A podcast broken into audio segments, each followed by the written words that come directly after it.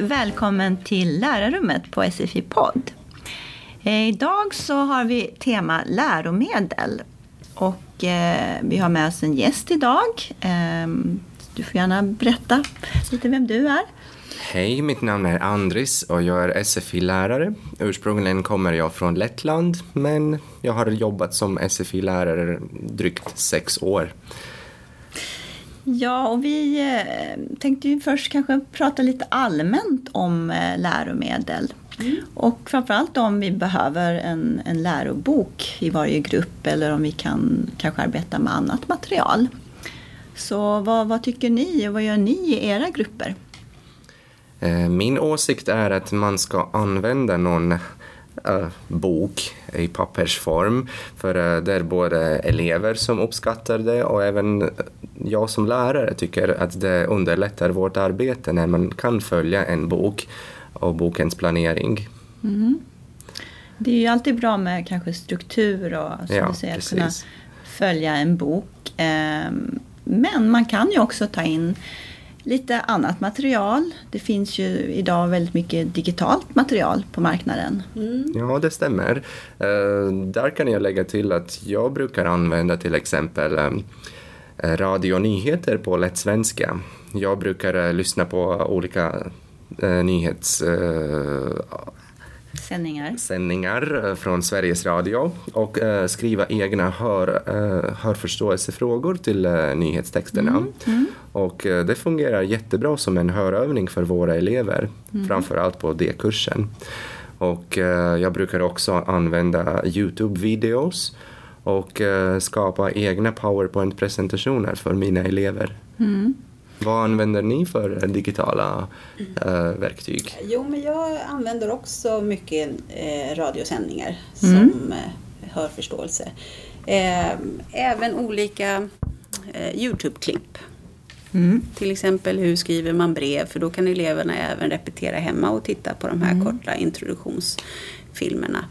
Men eh, här på Centrum Vux har vi även ett dataprogram som heter Lunis. Mm. Eh, som många elever och lärare uppskattar. Mm. Ja, jag mm. håller med. Mm. Eh, och det funkar extra bra för dem som kanske inte går i skolan alla dagar i veckan, till exempel på våra kvällskurser. Mm. Det, det, kan man ju använda hemma när man kanske inte träffar läraren varje dag. Och det är väl det som jag tycker är det bästa med Lunis, mm. att eh, jag som lärare då kan också ge läxor som de kan mm. göra hemma. De har alltid tillgång till det. Det är på det sättet väldigt bra. Precis som du säger att man kan lägga ganska mycket tid också hemma i mm. mån av tid. Mm.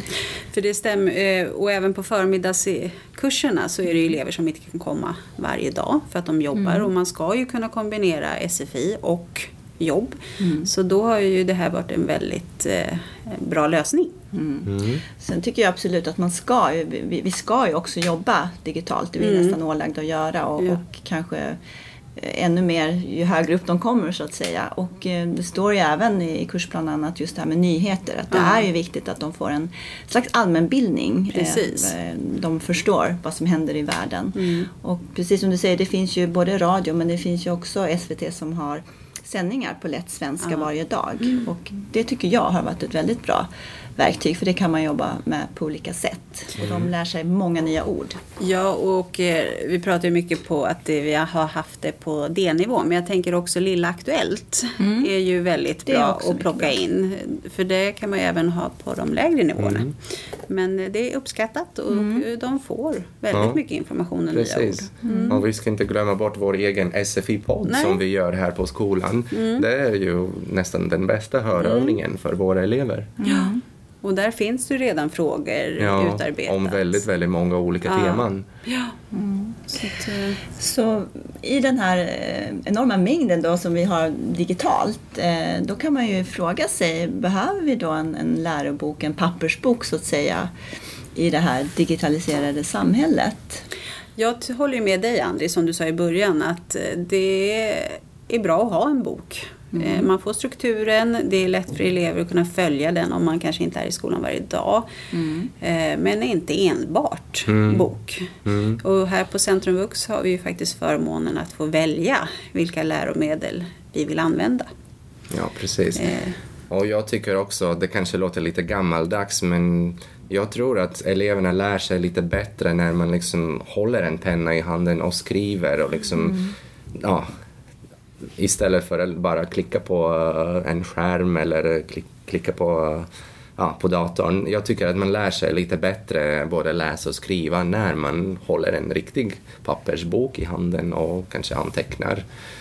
Ja. ja, och sen har vi pratat lite om det här tidigare, det här att om vi också till exempel ger läxa digitalt eller att om vi bara skulle använda mm. digitalt material, då förutsätter vi också att de har tillgång till datorer hemma. Mm. Och det har inte alla elever Nej, och det precis. måste man ju också respektera. Mm. Plus att vi tänker ju att eleverna måste ju lära sig också att bli, alltså få en datavana. Och på något sätt, det enda stället de kan få det egentligen är ju i skolan då. Ja. Så SFI måste ju erbjuda det också. Mm. Och eh, som sagt, vi har ju turen då att vi har Chromebooks som är portabla. Mm. Ja. Så att vi behöver egentligen inte en datasal utan vi kan ta in dem i klassrummet och jobba där. Mm. Vilket ju är en stor tillgång här. Ja, så det blir ju lättillgängligt. Mm. För annars har det varit mm. ganska krångligt ja. när man har tänkt på digitaliseringen och att det tar lång tid. Och, ja. Men det har ju underlättat en hel del. Absolut. Ja, jag håller med er.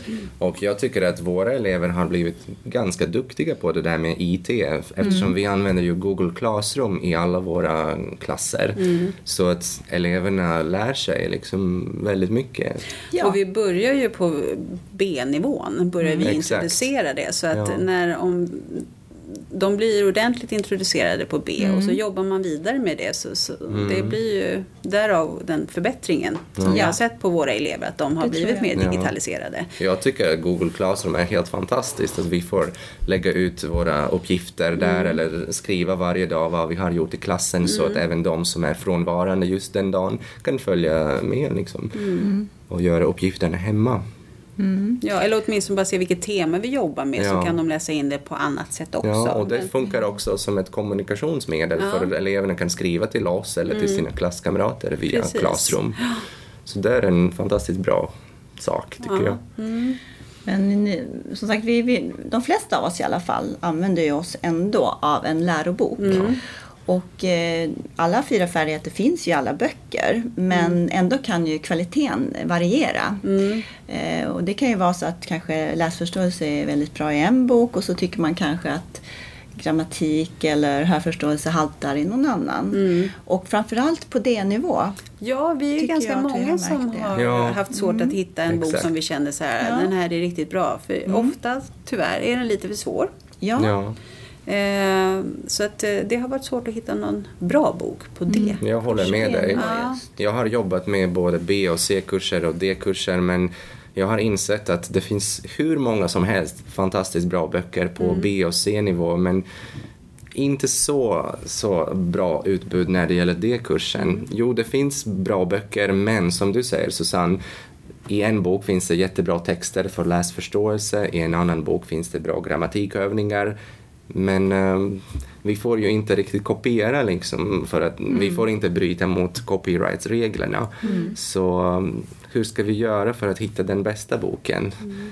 Um, och det har ju du hittat en lösning på. Ja, delvis. hur har du gjort Andris? Jo,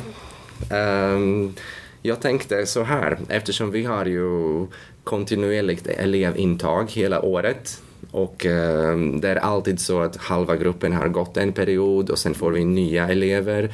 Och man vill inte göra så att man använder samma bok igen. Mm. Det blir tråkigt för de gamla eleverna som redan har gått igenom en bok. Så jag tänkte skriva min egen bok eh, just för D-kursen.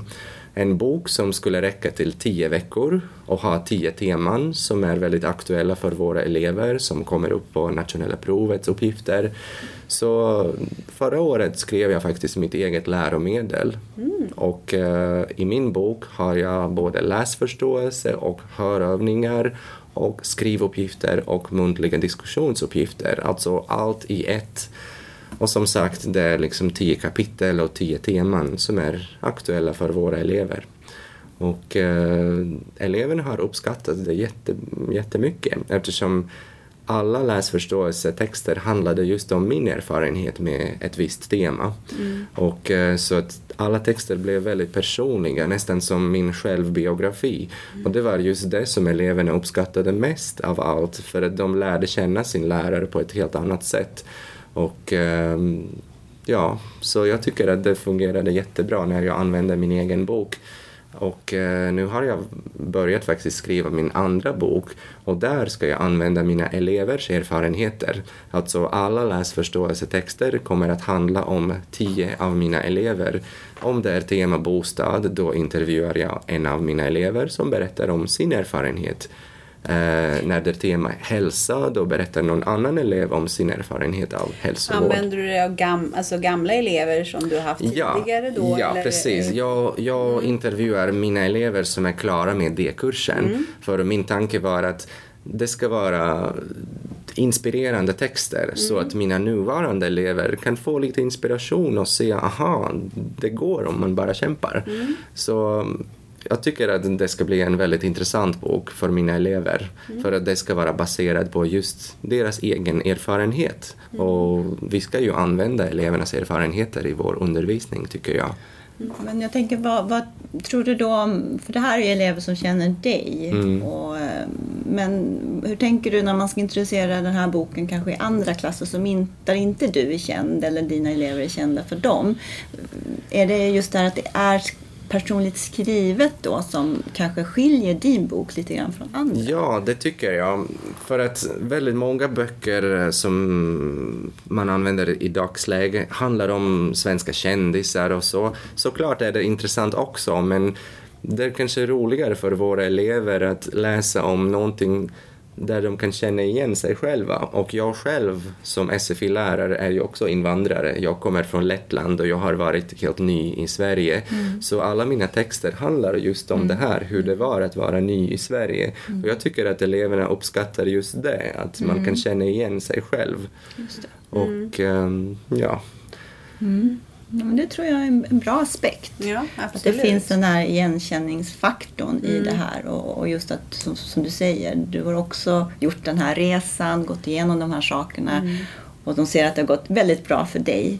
Då blir du ju också en, en förebild. Ehm, Ja, och motiverar ju Och säkert motiverar, många. Mm. Absolut. Det tror jag. För, för just det här med innehållsmässigt som du säger att nationella prov styr ju också till viss del. Eller ja, Mm. många gånger ganska mycket. eh, Kanske vad, vad det är de ska kunna, vad de ska lära sig. Mm. Å andra sidan så är nationellt prov utformat efter också vad de behöver. Ja, Så och det- där har vi den där allmänbildningen vi talade om. Allmänbildningen också. Eh, Mm. Som man då kan använda sig av nyheter och så. Ja, och jag tänker att det gäller väl både vardagsliv och en introduktion Ja. till det svenska samhället. Precis. Så det är ju även samhällsvetenskap, tänker jag, i det Mm. här. Att förklara lite demokrati och vårt styrsystem. Mm. Eller styrelseskick. Det är ju viktigt också. Det här Mm. med ekonomi, hur fungerar det? Skatter etc. Och Väldigt viktigt. Och arbetsmarknad till exempel. Ja, och jag bara tänker som eh, det här med att hur kommunen fungerar också. Ja. För många har ju en kontakt eh, med kommunen. Mm. Och då kan det vara bra att veta hur det faktiskt Mm. fungerar. Ja, Absolut. så det, det, det är många aspekter här som, Ja. som är, är viktiga. Mm. Men som du säger, där, svenska kända personer.